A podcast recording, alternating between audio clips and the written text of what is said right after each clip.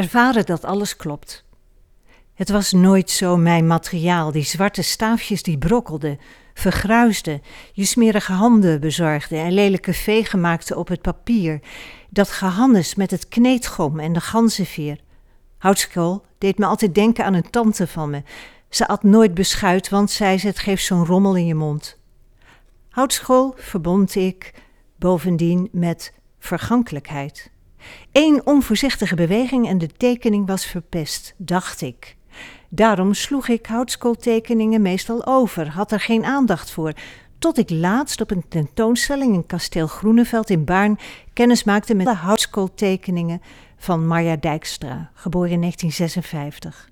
De veronachtzaming van houtskool bleek toen ik later op zoek ging naar meer houtskooltekeningen onterecht.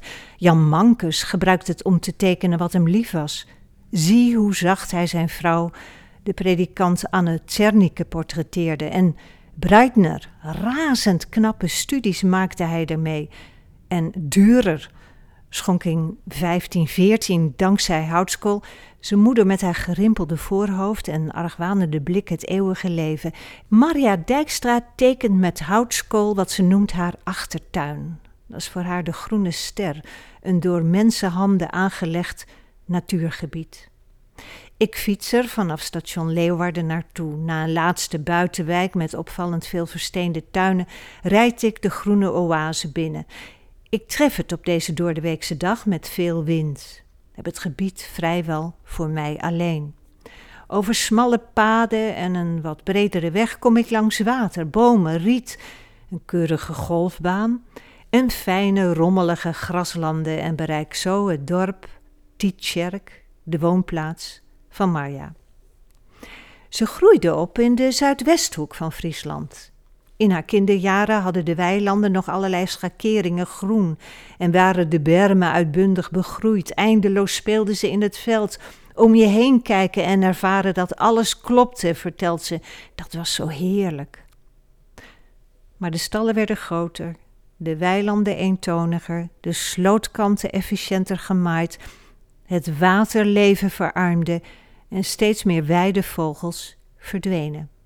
Ze volgde een opleiding aan de Academie Vredeman de Vries in Leeuwarden en stapte over naar de Klassieke Academie in Groningen. En daar leerde ze om dat wat ze niet zag juist te tekenen.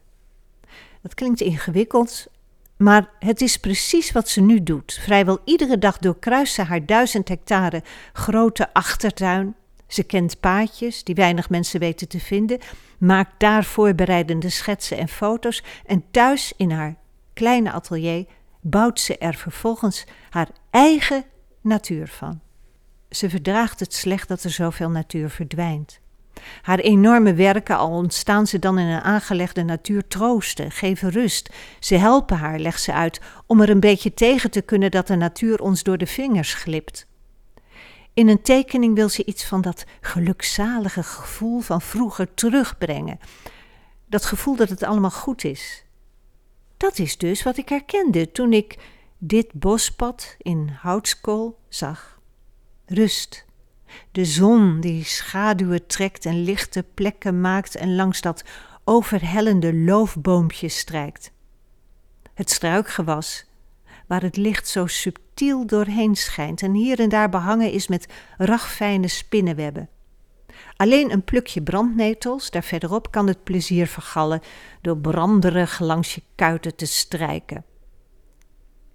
En nog zoiets wonderlijks. De schakeringen in zwart-wit brengen kleur in de tekeningen.